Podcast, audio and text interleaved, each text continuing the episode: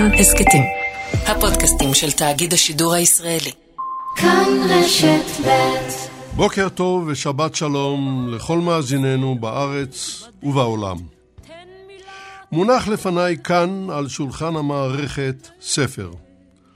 הוא מחזיק 652 עמודים, ועוסק בדרכה של ישראל בשנים 1970 עד 1973 אל מלחמת יום הכיפורים.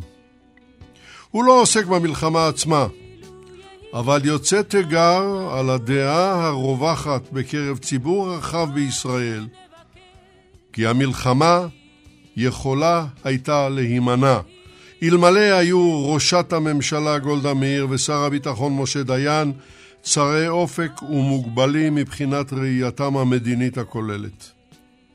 טענה זו לבדה ראוי לה שתיבדק היטב, ואנו ננסה לעשות זאת הבוקר.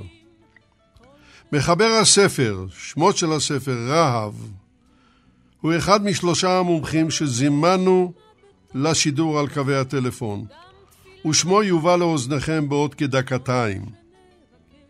למשדר הזה קראנו כשמה של תת הכותרת של הספר, דרכה של ישראל אל מלחמת יום הכיפורים. ומביאים אותו לאוזניכם, לבתיכם, יגאל בוטון וחדווה אלמוג. מנתבת את השידור הזה ומפיקה אותו ליטל אטיאס.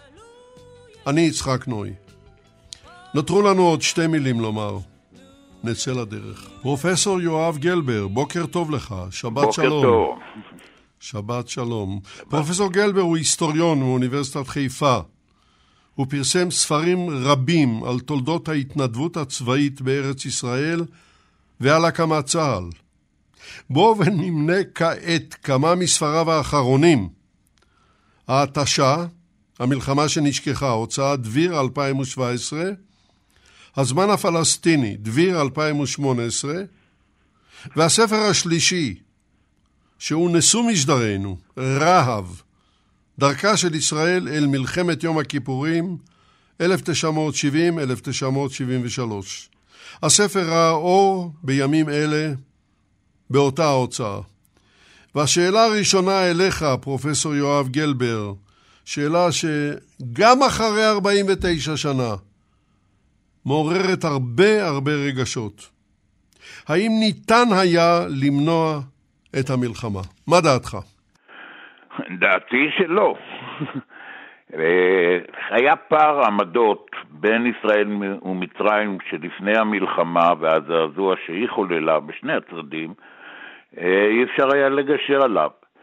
הטענה המקובלת אצל אלה שטוענים שאפשר היה למנוע אותה הייתה שממשלת ישראל לא נקטה שום יוזמה כדי uh, להתקרב לעמדה המצרית ולנסות למצוא איזה פשרה או הסדר שיאפשר למנוע את המלחמה. זה פשוט לא נכון.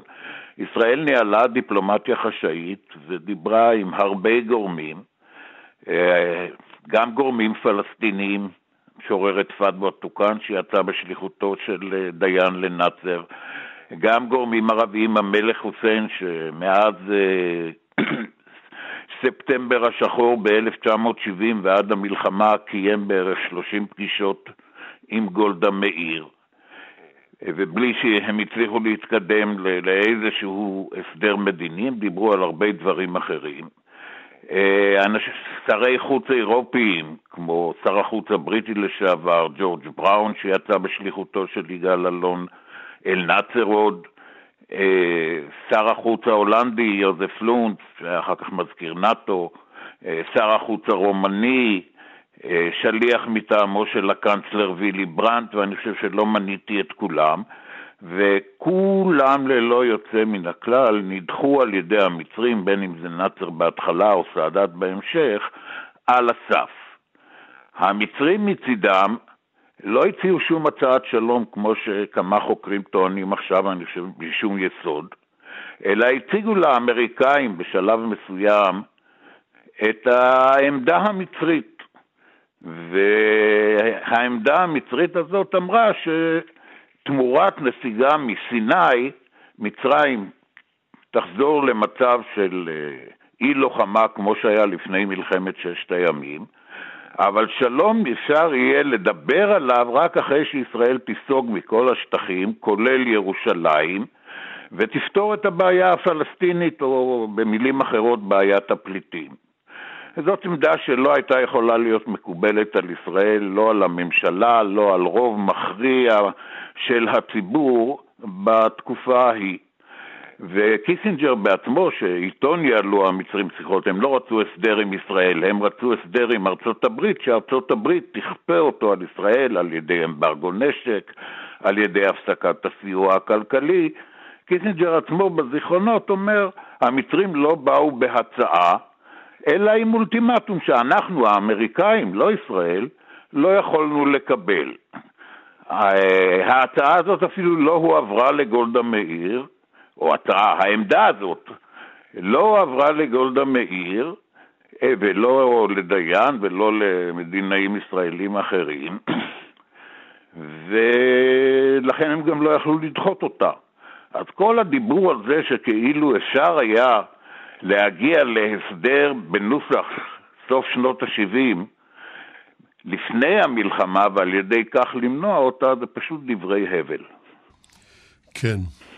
אנא, פרופסור גלבר יישאר איתנו על הקו, אני עובר למומחה השני שלנו, והוא דוקטור חגי צורף. בוקר טוב גם לך, שבת שלום. בוקר טוב ושבת שלום. דוקטור חגי צורף הוא לשעבר ראש תחום תיעוד והנצחה בארכיון המדינה. הוא חוקר של מלחמת יום הכיפורים והמהלכים המדיניים שקדמו לה. הוא כתב מאמרים בנושא וערך את הספר גולדה מאיר, הרביעית בראשי הממשלות בהוצאת ארכיון המדינה 2016. והשאלה הראשונה אליך, חגי צורף, בהמשך לדבריו של פרופסור גלבר, ההצעות הישראליות להסדר לפני פרוץ המלחמה. כן, אה, ממשלת ישראל ניהלה מדיניות אה, נוקשה וזהירה, אבל בפירוש לא הייתה סרבנית מדינית לכל אורך הדרך, כמו שיש אה, מי שמנסים להציג זאת, כפי שציין יואב. המדיניות שלה, אפשר לאתר במדיניות שלה שני שלבים, כאשר עד סתיו 71 היא בעצם מגיבה להצעות שמועלות מועלות בפניה על ידי מתווכים שונים, אבל מסתיו 71 היא מציגה מתווה מדיני משלה. עכשיו אני אה, אוסיף ואומר, בהמשך לדבריו של יואב, שמצרים לא רק הציגה את עמדתה לגבי הנסיגה הישראלית, אלא גם דרשה שישראל תתחייב כתנאי להתחלת כל משא ומתן, שהיא תיסוג מכל השטחים שנכבשו ביוני 67' ותפתור את הבעיה הפלסטינית. כמובן שכפי שיואב ציין, זה היה דבר בלתי אפשרי ובלתי ריאלי לחלוטין. ממשלת ישראל מצידה הייתה מוכנה תמיד לנהל משא ומתן ללא שום תנאי מוקדם, כפי שלמשל אמרה גולדה ב-1 באוקטובר 73, שימו לב לתאריך, במועצת אירופה, והיא אמרה, איננו מציירים שום מפות אולטימטיביות, יש לנו את העמדות שלנו, אך איננו מציבים אותן כתנאי מוקדם ואיננו פוסלים דיון בשום עמדה או תביעה של הערבים. אבל גולדה אמרה, וחבריה אה, לממשלה, שהפערים גדולים מדי. לא ניתן להגיע בקפיצה אחת להסדר כפי שדרשו המצרים. ולכן היא הציעה החל מסתיו 71 מדיניות של אה, אה, משא ומתן והתקדמות אה, מדורגת בשלבים, כאשר אה, כל שלב ייבחן ואחר מכן אה, התקדמו לשלב הבא, והציע כשלב ראשון הסדר ביניים בתעלה, שישראל תיסוג למרחקים שבין 30 ל-50 קילומטר אה, מקו התעלה אל המעברים, אל פתחי המעברים או המערבי או המזרחי, הצעה שמבוססת על אה, החלטה 242, וישראל הלכה ושיפרה את ההצעה הזאת, ובקיץ 73 כבר הסכימה להתחייב, אה, בהבינה את החששות של המצרים, שזה יהיה השלב הראשון וגם האחרון, ולא יהיו נסיגות נוספות, שזה לא יהיה כך, ויימשך המשא ומתן להסדרים נוספים במעורבות אה, של האמריקאים. ישראל, אה, זאת הייתה המדיניות שלה החל מ-71, מסוף 71, והיא מגישה אותה מפעם לפעם למצרים דרך מתווכים שונים, בעיקר דרך הנרי קיסינג'ר, אבל המצרים, המצרים דחו את ההצעה הזאת על הסף, ולא היו מוכנים ודרשו שוב ושוב להגיע להסדר כולל מיד, בלוחות אה, זמנים קצרים, ולא היו מוכנים להיכנס להסדר כזה, שכפי שנראה אולי בהמשך, בסופו של דבר זה היה המתווה שלאורו ניהל קיסינג'ר את המדיניות לאחר המלחמה, ושהיא הביאה אותנו להסכם השלום ב-79. כן, אני מבין. אנא הישאר גם אתה על הקו, אני עובר למומחה השלישי, והוא דוקטור מאיר בוימפלד. בוקר טוב לך, שבת שלום. בוקר טוב ושבת שלום. דוקטור בוימפלד הוא חוקר מלחמת יום הכיפורים. היה אלוף משנה בצה"ל בחיל המודיעין. ספרו "קפיצה למים הקרים" עוסק בתהליכים המדיניים שקדמו למלחמת יום הכיפורים. הוצאת אפי מלצר 2017. והשאלה שאני מפנה אליך סוגרת לנו מעגל פנימי קטן בעקבות פתיחת הדברים של פרופסור יואב גלבר. האם, דוקטור בוינפלד, האם ניתן היה, לדעתך כמובן, למנוע את מלחמת יום הכיפורים? בוא נשמע את דעתך. לפי דעתי לא ניתן היה למנוע את המלחמה בגלל פערים תהומיים בין עמדות שני הצדדים, כפי שחלקם אה, פורט כאן, אני אולי רוצה לעשות את זה, אה, לפרט מה היו הפערים האלה. קודם כל, מצרים דרשה הסדר כולל ונסיגה כוללת מיידית לגבולות הרביעי ביוני 1967. ישראל עמדה על הסדרי ביניים, זאת אומרת שרשרת של הסדרים חלקיים. אם אני אנקוט פה ב, ב, בעמדה האמריקאית בתקופת קיסינג'ר, צעד אחר צעד, להתקדם לשלום בשלבים. זה הבדל תהומי בין שתי העמדות. מצרים, כאמור, דרשה נסיגה מוחלטת מכל כיבושי 1967. ישראל עמדה על תפיסת גבולות הביטחון. היא ב-72 הציגה לאמריקאים מפה של גבול הביטחון שלה, שכללה כ-25% משטח סיני. פער נוסף, מצרים דרשה פתרון של הבעיה הפלסטינית לפי החלטות האו"ם, דבר שישראל בשום פנים ואופן אה, לא הייתה מוכנה לו. ישראל עמדה על סידורי ביטחון במסגרת ההסכם, ובראשם פירוז סיני. מצרים אה, התנגדה לפירוז סיני, היא דרשה, היא דרשה, אם כבר יהיה פירוז, פירוז משני צידי הגבול, כלומר גם בצד הישראלי, ומבחינת סידורי הביטחון היא הייתה מוכנה לערובות בינלאומיות. זה מנגנון שאכזב את ישראל פעמים רבות בעבר, וישראל התנגדה לו. ישראל רצתה להגיע להסדר נפרד עם מצרים, עם מצרים לבדה. כלומר, אה, להשאיר את הבעיה של סוריה, ירדן וכמובן הבעיה הפלסטינית מחוץ לעניין. מצרים דרשה הסדר כולל עם סוריה, עם ירדן ופתרון הבעיה הפלסטינית.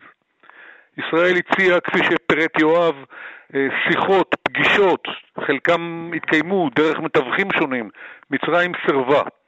ישראל רצתה משא ומתן ישיר, מצרים עמדה על תיווך, אם באמצעות יארינג, מתווך האו"ם, אם באמצעות מחלקת המדינה, אבל אה, בשום פנים ואופן לא משא ומתן ישיר שהוצע על ידי ישראל פעמים רבות, כולל משא ומתן ישיר חשאי. אה, מצרים התנגדה לחתימת חוזה שלום, גם בשיחות של קיסינג'ר עם אסמאעיל, קיסינג'ר סירב להתחייב לחתימת חוזה שלום, המצרים דיברו על משהו שנקרא state of peace, כפי שיואב ציין, הפסקת לוחמה. זה לא היה חוזה שלום כפי שבסופו של דבר נחתם בין ישראל ומצרים מאוחר יותר. המצרים גם התנגדו להכרה מפורשת בישראל. בשיחות קיסינג'ר אסמאעיל, אני מדבר על פברואר 73. ולכן לא דובר כאן בעצם על שלום כפי שאנחנו אה, מתכוונים אליו. אני רוצה להוסיף גם את חוסר האמון שהיה בין הצדדים, בעיקר מאז הפרת ה standstill באוגוסט 1970, הפרת המתווה שמצרים התחייבה אליו מול האמריקאים ביוזמת רוג'רס, והמצרים הפרו את האמון האמריקאי והישראלי ושינו את ההיערכות שלהם למרות שהתחייבו להקפאת ההיערכות. וזה היה סימן מאוד לא טוב מבחינת ישראל, שהרי אם מצרים מפרה את ההסכם הראשון שהיא חותמת עליו עם האמריקאים ועם ישראל, אזי איך אפשר לסמוך על המילה שלה שישראל תיסוג מסיני והיא תעניק לה שלום. אז אם אני מסכם את דבריי, אני אומר שהיו פערים תאומיים בשורה של תחומים, וישראל אה, לא יכלה להשיג אה, הסדר כולל. לגבי הסדר ביניים, המצב היה שונה, אבל אולי אני אגע בזה יותר מאוחר. אוקיי, okay, תודה רבה גם לך, דוקטור מאיר בוינפלד. אני uh, חושב שליטל תנסה להחליף אצלך טלפון, כי אתה נשמע מאוד לא טוב. אני חוזר אליך בכל מקרה, פרופסור יואב גלבר, כן. ואני רוצה לצלול אל הספר שלך. אני מתכוון עכשיו לפרק, לחלק הרביעי, הכנות למלחמה, עמוד 293, ולשאלה, אה, לאיזו מלחמה אה, התכוננה ישראל? אה, אני אתחיל אולי שלב אחד מוקדם יותר. הבעיה העיקרית של המודיעין הישראלי ובכל מי שניזון ממנו, כולל מקבלי ההחלטות, הייתה אם בכלל תהיה מלחמה. זאת השאלה, והרבה פחות התעסקו באיזו מלחמה תהיה, איך המצרים יילחמו. מבחינת המצרים לא, לא היה ספק שתהיה מלחמה, אבל השאלה הייתה איך הישראלים יגיבו על uh, המלחמה שהם יפתחו בה. עכשיו, uh,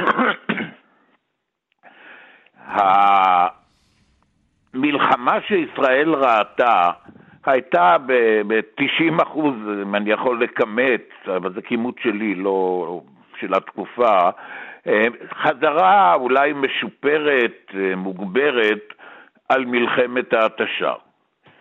אה, ישראל לא האמינה שהמצרים מסוגלים, הצבא המצרי מסוגל לבצע צליחה כללית. והבעיות שצה"ל נתקל בהן בתרגילי הצליחה שהוא עשה, והן לא היו פשוטות, עוד חיזקו את ההנחה הזאת. אם אנחנו לא יכולים, קל וחומר שגם הם לא יכולים. עכשיו, ישראל הניחה שלוש אקסיומות מלבד המודיעין לגבי אה, פתיחת המלחמה. האקסיומה הראשונה הייתה שתהיה התראה. אה, כאשר בין ישראל למצרים הפריד אה, מדבר סיני ובין ישראל לצבא ירדן הפרידה הגדה המערבית שכמעט לא הייתה תפוסה על ידי צבא לפני מלחמת ששת הימים ורוב הצבא הסורי ישב מדמשק או קטן קצת דרומה לדמשק וצפונה משם אז כל תזוזה מצרית או ירדנית או סורית הייתה בגדר התראה וההתראה הייתה נושא חשוב אבל לא בלעדי ולא מרכזי. אחרי מלחמת ששת הימים, כשהמרחק בין הצבאות הצטמצם ל-80, 100, 200 מטר, תלוי איפה, ההתראה הפכה להיות נושא מרכזי, ואני חושב שאי אפשר היה להניח שתהיה בכל מקרה 100% של המקרים התראה. היה צריך גם להתכונן למצב שבו מלחמה תיפתח ללא התראה. אם זו מלחמת התשה, זה אסון קטן. אבל אם זאת מלחמה כוללת, זאת בעיה בסדר גודל אחר. במקרה הזה, ההנחה השנייה של הקונספציה המלחמתית הישראלית הייתה שהצבא הסדיר, לא המילואים שיגויסו, וחיל האוויר יבלמו מתקפת פתע בסיני, ברמת הגולן יצטרכו אולי תגבור קטן של מילואים, אבל המילו... תפקידם של המילואים יהיה לעבור להתקפת נגד ולצלוח את התעלה ולעבור את הגבול לסוריה ולהגיע לדמשק וכך הלאה. והאקסיומה השלישית הייתה ש-300 טנקים מספיקים להגן על סיני. זה נקבע בסוף 68' בדיונים האחרונים שנערכו על הגנת סיני, והמספר הזה הפך ממספר טקטי במקורו לאיזה מין מספר מגי, כי בזירה חלו המון שינויים, אצל האויב חלו המון שינויים, אבל 300 הטנקים האלה נשארו על מכונם, ואני גם מעז לחשוב שאם הם היו מופעלים בצורה אחרת, אולי הם לא היו מונעים את הצליחה המצרית, אבל לפחות יכלו לשבש אותה בצורה הרבה יותר רצינית. כן, אלה לא דברים פשוטים. אני, uh, בהמשך לדברים שלך, פרופסור גלבר, אני פונה עכשיו אליך, דוקטור חגי צורף. אה, כדי לראות גם את המכלול האחר, הראייה המדינית של ישראל והשפעתה על ההכנות למלחמה ועל ניהולה. מה דעתך? אה, ישראל, מהרי, מפתיחת המלחמה, מהיום הראשון של המלחמה, בעצם גם עוד לפני כן, מנהלת את המלחמה כשעיניה נשואות אל המשא ומתן המדיני שיתחיל מיד עם סיומה. צריך לזכור, יש טענות שהמשא ומתן המדיני התחיל בעקבות מלחמת יום הכיפורים ולא היא. התנהלו מגעים מדיניים שעל חלקם כבר אה, נאמר כאן לפני המלחמה, והנרי קיסינג'ר, מזכיר המדינה האמריקאי, סיכם עם ישראל שמיד לאחר הבחירות בישראל, שהיו אמורות להיערך בסוף אוקטובר, יתחיל משא ומתן מדיני במתווה של הסדרי ביניים, שההסדר הראשון יושג עד ינואר 74.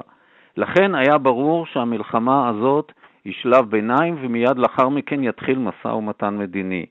ולכן גולדה מאיר רוצה לסיים את המלחמה, בצורה כזו שבה ישראל תגיע אל המשא המדיני חזקה ועם קלפי מיקוח אה, חזקים בידיה, וזה מקבל משמעות מיוחדת לאור המצב העגום בימים הראשונים.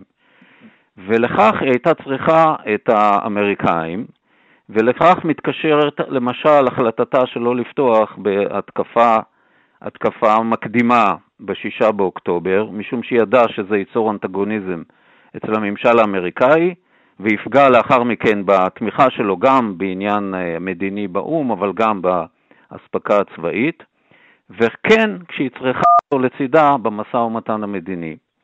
והיא נותנת לכך ביטוי, למשל בעשרה באוקטובר, כשהיא אומרת בדיון האם לתקוף מעבר לקו הפסקת האש בסוריה, היא אומרת בפירוש, אני רוצה שהמלחמה תסתיים, כך שישראל לא יגידו שמה שחשבנו על ישראל זה בעצם לא, מה ש... זה לא מצבה האמיתי, ישראל היא חלשה, וזה יביא את האמריקאים להגיד מדוע לנו לסכן את האינטרסים שלנו, למשל בעולם הערבי, והם יקבלו את עמדת הערבים שדרשו מישראל לסגת לקווי 4 ביוני. זה מה שהדריך אותה לכל אורך המלחמה. למשל בדיונים על מבצע אבירי לב, מבצע לחציית התעלה, היא אומרת במפורש, אני רוצה לא רק היא אגב, גם דיין וחברי ממשלה אחרים, שיהיה כמו שהם קראו לזה, יהיה לנו מגרשים, יהיה גם לנו נכסים אסטרטגיים, שאנחנו לא רק יהיה מצב שהמצרים יושבים בשטחים שהיו בשליטתנו, אלא גם אנחנו נכבוש ונשלוט בשטחים מצריים, ואז כשיתחיל המשא ומתן וידרשו נסיגות, גם לנו יהיה מאין לסגת. וכמובן, בסוף המלחמה המאבק, הייתי אומר, כמעט הירואי, שהיא ניהלה מול הנרי קיסינג'ר, שישראל לא תיסוג לקווי 22 באוקטובר, כפי שדרשה החלטה 339 של מועצת הביטחון של האו"ם, ובכך תסיר את הקיטור על הארמיה השלישית, משום שזה היה הקלף החזק ביותר שהיה בידי ישראל אה, למשא ומתן של אחרי המלחמה. וכך היא מנהלת את המלחמה מתוך ראייה של העניין המדיני לפני המלחמה, ובעיקר של העניין המדיני כפי שיהיה לאחר המלחמה. כן, אז uh, בעקבות הדברים שלך, אה, דוקטור חגי צורף, אני מבקש ממך, uh, דוקטור מאיר בוינפלד, uh, להמשיך ולתת לנו כמה קווים על מורשתם ההיסטורית, לדעתך, של גולדה ודיין. אני חושב שבמהלך השנים שחלפו מאז המלחמה נעשה גם לגולדה וגם לדיין עוול היסטורי. אה, והודגש חלקם, והייתי אומר אפילו אשמתם, במרכאות ושלא במרכאות, בפרוץ המלחמה. אה, אני רוצה להתרכז בעיקר בדיין, בדיין, משום שאני מניח שחגי ירחיב לגבי גולדה, שהוא ערך את, ה, את הספר, כפי שציינת בתחילת הדברים. אני רוצה לציין שדיין, בשונה מהדימוי שנוצר לו במהלך השנים, הוביל את אופציית ההסדר החלקי או את הסדר הביניים מול מצרים. הוא ניסה כל העת להגיע להסדר נפרד עם המצרים והציע להם הצעות נדיבות. דיין האמין אה, כל הזמן שמצרים היא המפתח להסדר עם העולם הערבי, ואם יושג אה, הסדר עם מצרים, אה, זאת תהיה פריצת דרך במצבה של ישראל. דיין האמין שתעלת סואץ פתוחה לשיט היא קו ההגנה הטוב ביותר, טוב יותר מקו בר לב. אני רוצה להזכיר שגם במלחמת ששת הימים הוא התנגד להגעה לתעלה, וחשב כל התקופה שהישיבה של ישראל על שפת התעלה והשבתת נתיב המים הבינלאומי הזה הוא מקור של צרות לישראל. הוא לכל אורך התקופה העביר למצרים מסרים דרך מלאכת המדינה ודרך דרך האמריקאים בכלל אה, על הצעות נדיבות לריבונות מצרית חלקית בסיני, לנסיגה ישראלית אה, כזאת ואחרת. אני רוצה לציין שבדרך כלל הוא היה די מבודד בעמדותיו בממשלה, אבל הוא הצליח לשכנע את גולדה אה, להציג ויתורים. אני מציין פה את אה, נסיעתה לוושינגטון בדצמבר 1971, שגולדה הציגה בוושינגטון עמדות שהסכימו לנסיגה ישראלית מהתעלה עד לפתחות המערביות של מעברי המיתלה והג'ידי, כולל ויתור על קו בר לב, על מוצבי קו בר לב. היא אה, הסכימה לקצוב את הפסקת האש לשנתיים, ישראל דרשה, ממצרים כל העת הפסקת לחימה, אבל היא הסכימה לקצוב את הפסקת האש שהיא דרשה מהמצרים לשנתיים. היא הסכימה לוותר על אה, תביעתה לשיט בתעלת סואץ ולדחות את זה להסדר הקבע, והיא הסכימה גם לחצייה של שוטרים מצריים ושל אנשי רשות התעלה המצרית לגדה המזרחית כדי לעשות את הסידורים לפתיחת התעלה. הייתה סדרה של ויתורים שישראל הציגה למצרים, אה, גולדה, לאחר התייעצויות עם דיין וכולי. אני רוצה לציין שערב אה, יציאתה לוושינגטון בפברואר 1973, לפגישה עם הנשיא ניקסון ועם קיסינג'ר, היא הציגה אה, עמדה ישראלית שמוכנה לנסיגה ישראלית עד המוצאים המזרחיים של המעברים, 50 קילומטר מהתעלה. ואני אה, אה, מציין שהסדר הביניים שהושג ב-75 דיבר על נסיגה למעברים. ישראל הייתה מוכנה ב-71 וב-73 אה, להציע את ההצעה הזאת למצרים, אבל היא נדחתה על ידי המצרים. אני רוצה לציין פה גם שב-18 למאי 1973, גדי יעקבי, איש סודו של דיין ואיש שהכיר היטב את עמדותיו, נפגש עם, עם היועץ המדיני בשגרירות ארה"ב בתל אביב, אובן זוהלן, והציע בשם דיין החזרת הריבונות המצרית כמעט על כל שטח סיני. ב-73, במאי 73, ודיין שמזוהה אה, כל הזמן עם האמרה הזאת שמוטב שלום אה, אה, עם שארם א-שייח, מאשר בלי שארם א-שייח. סליחה, מוטב שארם א-שייח בלי שלום, מאשר שלום בלי שארם א-שייח. הוא בעצם היה מוכן לוויתורים מרחיקי לכת למצרים בסיני, בתמורה לפירוז מלא של סיני, השארת תחנות התרעה בפסגות של מרכז סיני, ובקיצור הציע פתרונות נדיבים למצרים, בניגוד מוחלט לדימוי שלו שציינתי קודם. דיין, הייתי אומר, היה השר המתון ביותר בממשלה, הוא חשש מעימות צבאי במצרים וחשש גם מהתחזקות יכולותיו של הצבא המצרי, כפי שהוכח במלחמה עצמה. הוא הציע הסדר ביניים נדיב, הוא לחם, לחם למען קבלת עמדותיו בממשלה, וכאמור היה מוכן לשלם במטבע של נסיגות חלקיות תמורת התחייבות מצרית לביטור מצב המלחמה. זאת אומרת, אם אני מדבר על המורשת ההיסטורית האמיתית שלו, לא זאת שמסופרת בספרים השונים, במאמרים שונים, שיצאו לאחר המלחמה, אה, המורשת האמיתית שלו הייתה נכונות להסדר נדיב, לא נסיגה לגבולות 67, אבל נכונות להסדר נדיב עם המצרים, מתוך הבנה שמצרים היא מפתח להסדרי שלום עם העולם הערבי. אתה יכול אולי להסביר לנו בחצי מילה איך נוצרה התדמית הזאת של דיין שאיננו רואה למרחקים? אה, איך נוצרה התדמית? אני... התדמית השלילית כמובן. אוקיי, לא, ברור, ברור. אני אה, אומר ככה, דיין שנתפס כמר ביטחון לאחר מלחמת 67, וכמי שייתן אה, פתרונות ביטחוניים לכל בעיה של מלחמה, מזכיר שגם במלחמת ההתשה הוא היה שר הביטחון, וישראל נתפסה בטעות למי שיקרא את הספר של גלבר וירחח בכך, כמי שניצחה במלחמה, אה, אני חושב שהפער העצום אה, שהתגלה בין התקוות וההנחות שדיין הוא מר ביטחון והוא ייתן מזור לכל בעיה ביטחונית של ישראל בתקופה הזאת, לבין מה שקרה בימים הראשונים של המלחמה. טוב, אה, אני... אני... הוא זה שיצר את הפער שעליו דובר. אני מבין, הדברים מתקבלים. אני חוזר אליך, פרופסור יואב גלבר. כן. שמענו על הצד הישראלי. בוא נראה איזו מלחמה הכינה מצרים. אה, אולי אני רוצה לחזור רק לדברים בבקשה, האחרונים בבקשה. אה, של מאיר. הקמפיין נגד דיין אחרי המלחמה לא היה רק תגובה למלחמה, הוא התחיל הרבה קודם.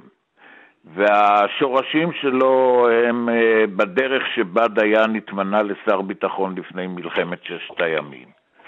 שהשאיר הציבור של מאוכזבים. כשדיין היה מר ביטחון בתקופת ההתשה ועד מלחמת יום הכיפורים, לא כך התעסקו איתו למרות שהיו לא מעט אה, ויכוחים וגם אה, ניסיונות אה, לחתור תחתיו. כאשר לכאורה הוא נפל במלחמת יום הכיפורים, אז כל העטים התנפלו על הפגר. אבל אני מוכרח לומר שדיין גם בתחילת המלחמה היה הראשון שהבין שהמלחמה הזאת לא מתנהלת כפי שצה"ל חשב. ולחץ אה, לסגת לקו המעברים ולייצב קו, ומהאויבים שאפשר לפנות, לפנות, והאחרים יישארו לנפשם. והיה פה פלונטר שהביא את הממשלה לאמץ עמדה שדדו שיג... אה, מסר בשמו של גורודי, שנתלהב מאוד כשאריק וברן הגיעו לתעלה, זה לא האוגדות שלהם הגיעו לסיני, אלא הם הגיעו, ובסופו של דבר שלחה את דדו להחליט במקום, והוא החליט על התקפת הנגד האומללה של השמיני באוקטובר, שנמשכה גם בתשיעי באוקטובר, ומאותה ההחלטה של הממשלה בעצם היא סירסה את דיין והשאירה אותו במידה רבה אה, בצד. עכשיו, המצרים אה, מראש אמרו, מלחמת ההתשה לא השיגה את מטרתה ואין טעם לחזור עליה, ולכן צריך להכין מלחמה כוללת. מלחמה כוללת זה סיפור אחר לגמרי.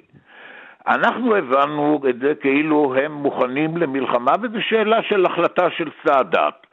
והתהליך הוא אה, תהליך מעגלי. בסוף 71' נדמה היה שאו-טו-טו סאדאת הולך למלחמה, הוא דיבר על שנת ההכרעה, לא אמר הכרעה בין מה למה, והייתה כוננות גדולה, וברגע האחרון, כך אנחנו פירשנו את זה, הוא נרתע אה, ונסוג. אה, בסוף 72' הסיפור חזר על עצמו. שוב, אנחנו פירשנו את זה כאילו הוא נרתע ונסוג, הוא עדיין לא היה מוכן למלחמה. מבחינתו של סאדאת, התהליך שהוביל ישירות למלחמה החל בקיץ 1972, כאשר הוא סילק את הרוסים ממצרים. אנחנו פירשנו את זה בצורה של, נו, אם, אם הרוסים המצרים היו חלשים מכדי לצאת למלחמה אמיתית, קל וחומר עכשיו כשהרוסים אינם. מבחינתו של סאדאת זה היה כמעט תנאי הכרחי לגשת למלחמה כדי שלא יגידו הרוסים ניצחו אותם בשביל המצרים, אלא המצרים ניצחו אותם בעצמם. וזמן קצר אחרי סילוק המצרים הוא מכנס את המועצה הצבאית, משהו מקביל פחות או יותר לפורום מטכ"ל שלנו, ואומר להם, אני החלטתי לצאת למלחמה עם מה שיש, לא לחכות, לא למטוסים כאלה ולא לטילים כאלה, ועם מה שיש נעשה את המיטב וננסה לנצח. רוב המטה הכללי שלו, כאשר אמן כל הזמן חשב שהצבא לוחץ על סאדאת לצאת למלחמה וסאדאת בולם אותו, המציאות הייתה הפוכה. רוב קציני המטה הכללי התנגדו לצאת למלחמה, והתבטאו נגד זה, אנחנו עוד לא מוכנים, חסר זה, חסר זה, זה סיכון גדול מדי. ותוך יומיים סאדאת הדיח כל מי שהתבטא נגד המלחמה, כולל שר ההגנה שלו, אה, כולל כמה מבכירי המטה הכללי, הוא רצה להדיח גם את אחד ממפקדי הארמיות והרמטכ"ל, איך שהוא הגן עליו, ומכאן מתחילה דרכה של מצרים למלחמה. עם אימונים, עם עסקת נשק גדולה שהייתה בונוס, לא היא, הייתה התנאי למלחמה. והמטרות שלו היו מעבר ליעד הצבאי, שעוד מתווכחים אצלנו אם זה היה להגיע לקו העשרה קילומטר מהתעלה או לקו המעברים, ה-35 קילומטרים או ה-50, אבל מעבר לזה הוא רצה שלושה דברים. א', לשבור את היהירות או את הרהב של הצמרת הישראלית, שתיים, להוכיח לישראל שמכשול מים איננו גבול ביטחון, ולכן צליחת התעלה הייתה מרכיב הכרחי, ושלוש, להראות ששארם א-שייח בכלל לא חשובה, כי אפשר להטיל מצור ימי על ישראל במצרי באב אל-מנדב במוצא ים סוף. והמצרים נצמדו לתוכנית הזאת בלי שישראל אה, הבינה את זה. למעשה, תפיסת הביטחון של ישראל, שנשענה על שלושה עמודים, על הרתעה, על התראה ועל הכרעה, התחילה לקרוס ברגע שסאדאת הודיע למטה הכללי שלו, אנחנו הולכים למלחמה. ישראל איבדה את ההרתעה, היא רק לא ידעה את זה, ואמ"ן לא התריע על זה. זאת הרתעה, סליחה, זאת התראה ארוכת טווח. אבל החיסרון הגדול של הרתעה זה שהמרתיע לא יודע מתי הוא מפסיק להרתיע, והצד השני כבר לא נרתע. כן. עכשיו, אה, לגבי האלמנט השני, ההתראה, המודיעין לא טעה בהערכת הידיעות המטריות. הוא הכחיש אותן. כמעט ללא אבידנס, אה, ללא ראיות נגדיות. כי הידיעות על המלחמה היו ראיות ממשיות. גם ידיעות סוכנים, גם צילומי אוויר, גם ידיעות מהאזנה ומעוד מקורות. אה, היו מעט מאוד ידיעות סותרות שהיו חלק מתוכנית ההטייה המצרית, והן היו שקופות מאוד, אבל המודיעין הסתמך על קונספציה. עד שלמצרים לא יהיו כך וכך מטוסים שיוכלו לתקוף את שדות התעופה של חיל האוויר בישראל, נוסח מבצע מוקד בפתיחת ששת הימים, הם לא ילכו למלחמה. ובלי קשר למה שקורה בשטח. במילים אחרות, אה, עכשיו, פרופסור אה, גלבר, אתה... המודיעין מוביל את ה... נקרא לזה, את המחדל עד 4 באוקטובר. כן. המדינאים, במידה ו... אני חושב שהיה להם חלק, הם לא הצליחו לגבש אסטרטגיה להשגת המטרות המדיניות שמאיר דיבר וחגי דיברו עליהן. וזה כישלון שלהם. אבל אה, המודיעין הוביל את המחדל בספטמבר, אפילו קודם, עד ממש לערב המלחמה, לרביעי באוקטובר. ביום שישי, החמישי באוקטובר, המודיעין, הוא מוסיף להזרים ידיעות, אבל הוא חדל להוביל את התהליך, וההובלה עוברת לפיקוד הצבאי ולדרג האגמי. וכאן יש לנו אובדן שליטה והתעלמות מהתורה הצבאית, וזה נמשך גם לתוך המלחמה, לפחות עד אחרי התקפות הנגד, מבחינות מסוימות גם אחר כך. אני טוב, יכול לתת בוא, כמה דוגמאות. רק, רק רגע, מי מדבר? דקות. מי מדבר? אה, הכריזו ביום שישי החמישי באוקטובר. רגע, שנייה לפני כן, בואו נראה עם מי אנחנו מדברים. על כוננות ג', כוננות למה? לא אמרו כוננות חברים, אתם לא, לא מקשיבים לי, אתם לא, לא מקשיבים לי. לא לפתיחה באש, כוננות. לא אמרו מה עושים בכוננות. פורסים טנקים מחוץ למחנות, מחליפים את המפות, אה, מזוודים את הטנקים, אלף פעולות אחרות שצריך לעשות במצב כזה. אה, מה שנשאר מהכוננות זה היה עצירת חופשות, שגם היא לא הייתה שלמה ולא הוסבר למה.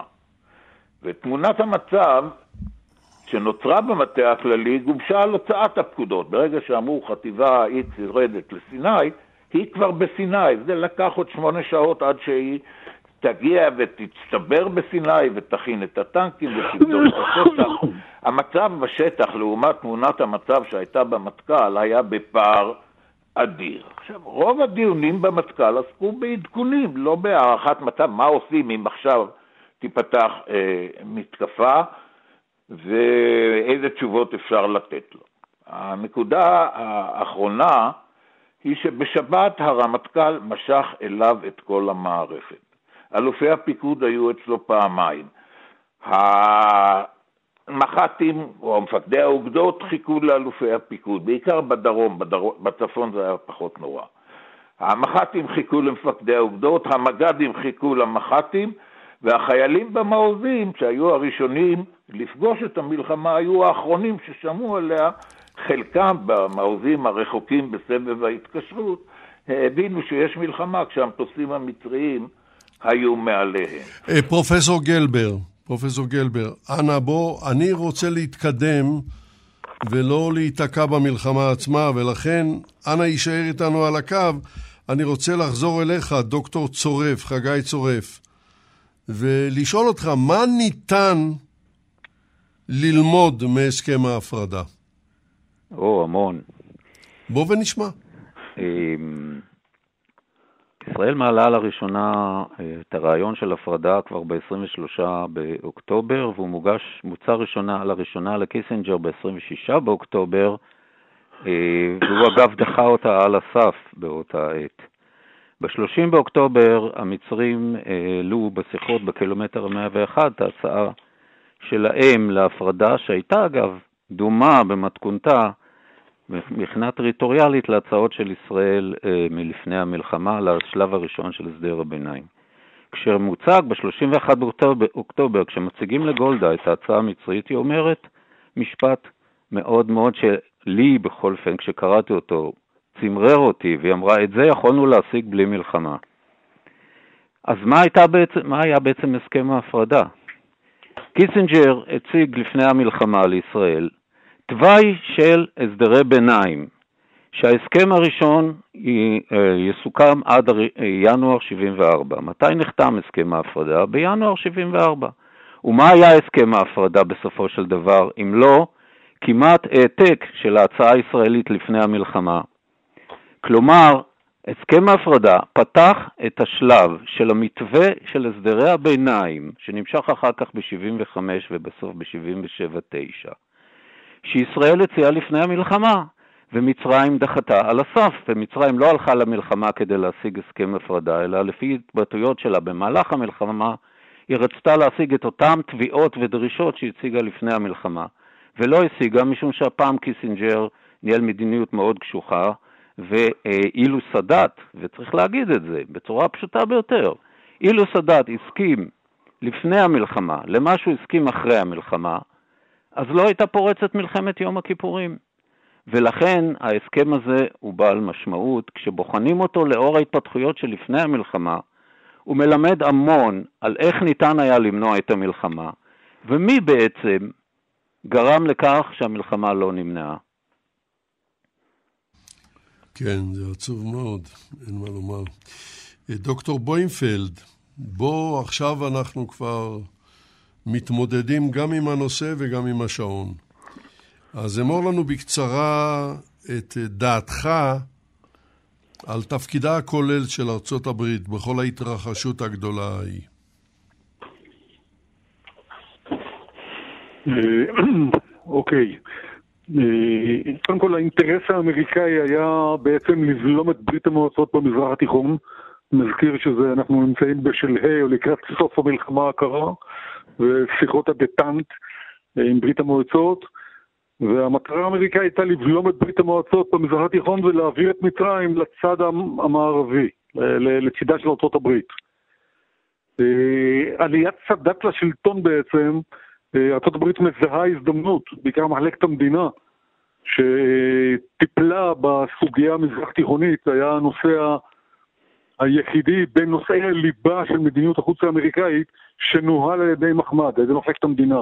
שאר הנושאים שהיו אה, לשים קץ למלחמת וייטנאם, שיחות הדטנט עם ברית המועצות, פריצת הדרך לסין, כל הנושאים המרכזיים האלה במדיניות החוץ האמריקאית נוהלו על ידי הבית הלבן. כלומר על ידי הנשיא ניקסון והנרי קיסינג'ר, היועץ לביטחון לאומי. הנושא היחידי המרכזי שטופל על ידי מחלקת המדינה היה נושא המזרח התיכון. אה, עכשיו אני מזכיר שעם עליית ממשל ניקסון, כבר ב-69' האמריקאים פרסמו את תוכנית רוג'רס, שזה היה בעצם אה, איתות ראשוני, אבל מאוד מאוד משמעותי, אה, של מדיניות ממשל ניקסון במזרח התיכון. שהתבססה על נסיגה ישראלית תמורת אה, מתן שלום מצד מצרים. ישראל התנגדה לתוכנית הזאת אה, מן היסוד, משום שהיא דיברה על נסיגה כמעט מוחלקת, למעט תיקונים קלים, על נסיגה כמעט מוחלקת לגבולות הרביעי ביוני 67. אה, אני רוצה לה, להגיד לגבי העמדה האמריקאית שלכל אורך התקופה היא אופיינה אה, במאבק בין שני מוקדי כוח. מוקד כוח אחד הייתה מחלקת המדינה כמובן, שהובילה את המגעים על הסדר במזרח התיכון, והמוקד השני היה הנרי קיסינג'ר, היועץ לביטחון לאומי, שהתנגד לתוכנית רוג'רס, הוא התנגד למתווה הפתרון שהתוותה מחלקת המדינה, והשיג אליו כל הזמן. אבל כל עוד מחלקת המדינה יכלה להציג הצלחות, כמו למשל הסכמת ישראל ליוזמת רוג'רס, הפסקת האש במלחמת ההתשה, והצלחות נוספות ונכונות ישראל להיכנס למשא ומתן, אה, הנשיא השאיר אותה כאחראית על המשך המשא ומתן.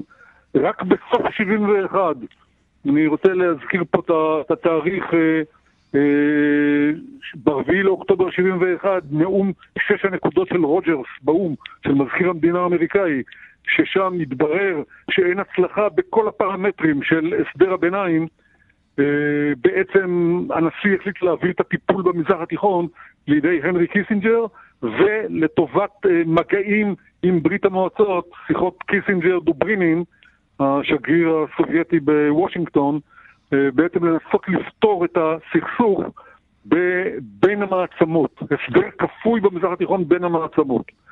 אז אה, מה שאני רוצה לומר, שבעצם המדיניות האמריקאית במזרח התיכון היו לה שני ראשים, וישראל כמובן העדיפה את הצד של קיסינג'ר, אבל אה, אה, קיסינג'ר נכנס לעניין בסוף 71, 72 אה, בעצם אה, אה, סילוק הנוכחות הצבאית הסובייטית ממצרים, שיורם הזכיר קודם, אה, זה היה בעצם, קיסינג'ר הבין פה שהמשך המשא ומתן שלו צריך להיות ישירות מול המצרים.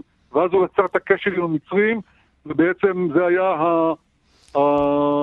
הפתיחה של שיחות קיסינג'ר אסמאעיל שנמשכו כמעט עד המלחמה. טוב, אנחנו בדברים האלה נסתפק, דוקטור בוימפלד. אני חייב לחזור אליך, פרופסור יואב גלבר, ולשאול שאלה שלא הייתי רוצה לסיים את השידור בלי לשאול אותה. איך נכנסים, איך לא נכנסים, סליחה, סליחה, איך לא נכנסים למלחמה? פרופסור גלבר. תראה, אצלנו מדברים על יום כיפור כעל הניצחון הכי גדול של צה"ל, והארגומנט העיקרי זה תראו באיזה מצב פתיחה נכנסנו ואיך יצאנו ממנה. אני כופר בזה. קודם כל, מצב הפתיחה הוא חלק מהמלחמה ואנחנו יצרנו אותו. שנית, בחצי שנה שלפני המלחמה, הרמטכ"ל דדו התבטא פעמיים בנוסח של מלחמה שממנה שני הצדדים יוכלו לצאת ולטעון לניצחון, תהיה מפלה של צה"ל. והארגומנט השלישי, מלחמה נגמרת כאשר צד אחד לא יכול להמשיך להילחם. זה היה המצב אחרי מלחמת העצמאות, זה היה המצב אחרי מלחמת ששת הימים. לעומת זה, ב-73' מלחמת יום הכיפורים הסתיימה בשתי מלחמות התשה, אחת במצרים וארוכה יותר בסוריה, אז גם לא, דיברתי קודם על התראה, הרתעה והתראה, לא הגענו גם להכרעה. ותפיסת הביטחון של ישראל קרסה בשלושת העמודים המרכזיים שלה. כן, זה סיפור עצוב מאוד. אה, דוקטור מאיר בוימפלד, אני חוזר אליך כי זמננו הולך וקצר, והייתי רוצה לשאול אותך, אה, זהו שלב השאלה הזהה, מה היית מבקש, דוקטור מאיר בוימפלד, שהמאזינים ילמדו מן השידור הזה? הייתי מבקש והייתי שמח מאוד אם המאזינים יבינו שגם אם לישראל יש חלק באחריות לכך שלא הושג הסדר מדיני בתקופה שקדמה למלחמה, אז אה, ישראל לא, לא בודדה בעניין הזה, גם למצרים וגם לארצות הברית יש חלק ואחריות בעניין הזה של, של אה, אי השגת הסדר מדיני בשנים שלפני המלחמה. העמדות המצריות היו נוקשות מאוד לאורך כל הדרך, בשונה מהדימוי שמנסים להקנות להם חוקרים שונים, עמדות נוקשות לכל אורך הדרך. אה, ארצות הברית, התיווך האמריקאי היה כושל, ציינתי כבר את הוויכוח שהיה בארצות הברית בין שתי האסטרטגיות של מחמד מצד אחד, של קיסינגר מצד שני, והוויתורים הישראליים בחלקם המכריע, שציינתי אותם קודם, בעיקר לגבי הסדר הביניים, לא הועברו לצד המצרי. כלומר, אה, קיסינג'ר מטעמיו שלו העדיף לא להעביר את הוויתורים הישראליים, ובכך לפי דעתי הוא פגע בסיכוי להשיג הסדר ביניים, שהיה אה, יכול אה, להתחיל איזשהו תהליך של הידברות מדינית בין שני הצדדים. דוקטור בוימפלד, אנחנו נסתפק בדברים האלה. תודה לך. אני חוזר אליך, דוקטור חגי צורף. בקצרה רבה, מה היית מבקש שהמאזינים ילמדו מהשידור? אני מצטרף לדברים של מאיר, אבל אה, במובן היותר, שנוגע יותר ישירות לגולדה מאיר, אני חושב שנעשה לה עוול גדול. אני חושב שהמאזינים, הייתי שמח לו היו מקבלים את העמדה שהיא לא הייתה סרבנית מדינית, היא כן חיפשה דרכים לקדם אה, הסדר עם מצרים, ולא הספקנו לדבר על כל ההצעות שהגישה למצרים לפתוח במשא ומתן חשאי בכל מקום ובכל דרג, דרג שבו הם יבחרו, והם דחו אותם על הסף.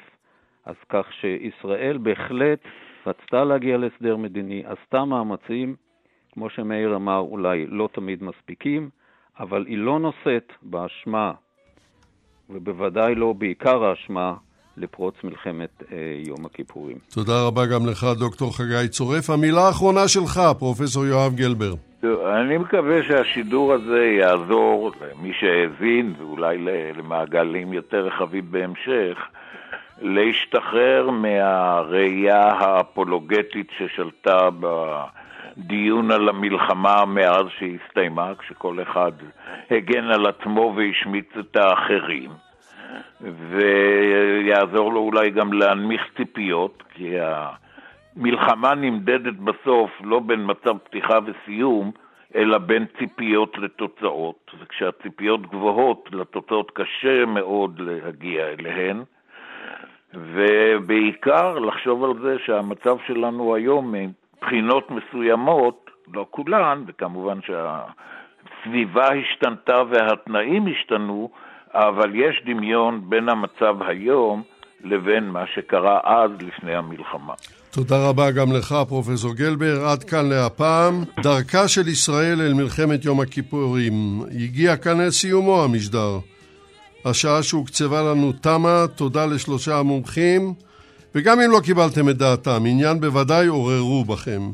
את השידור הזה הביאו לאוזניכם יגאל בוטון וחדווה אלמוג, נתבע והפיקה אותו ליטל אטיאס, אני יצחק נוי.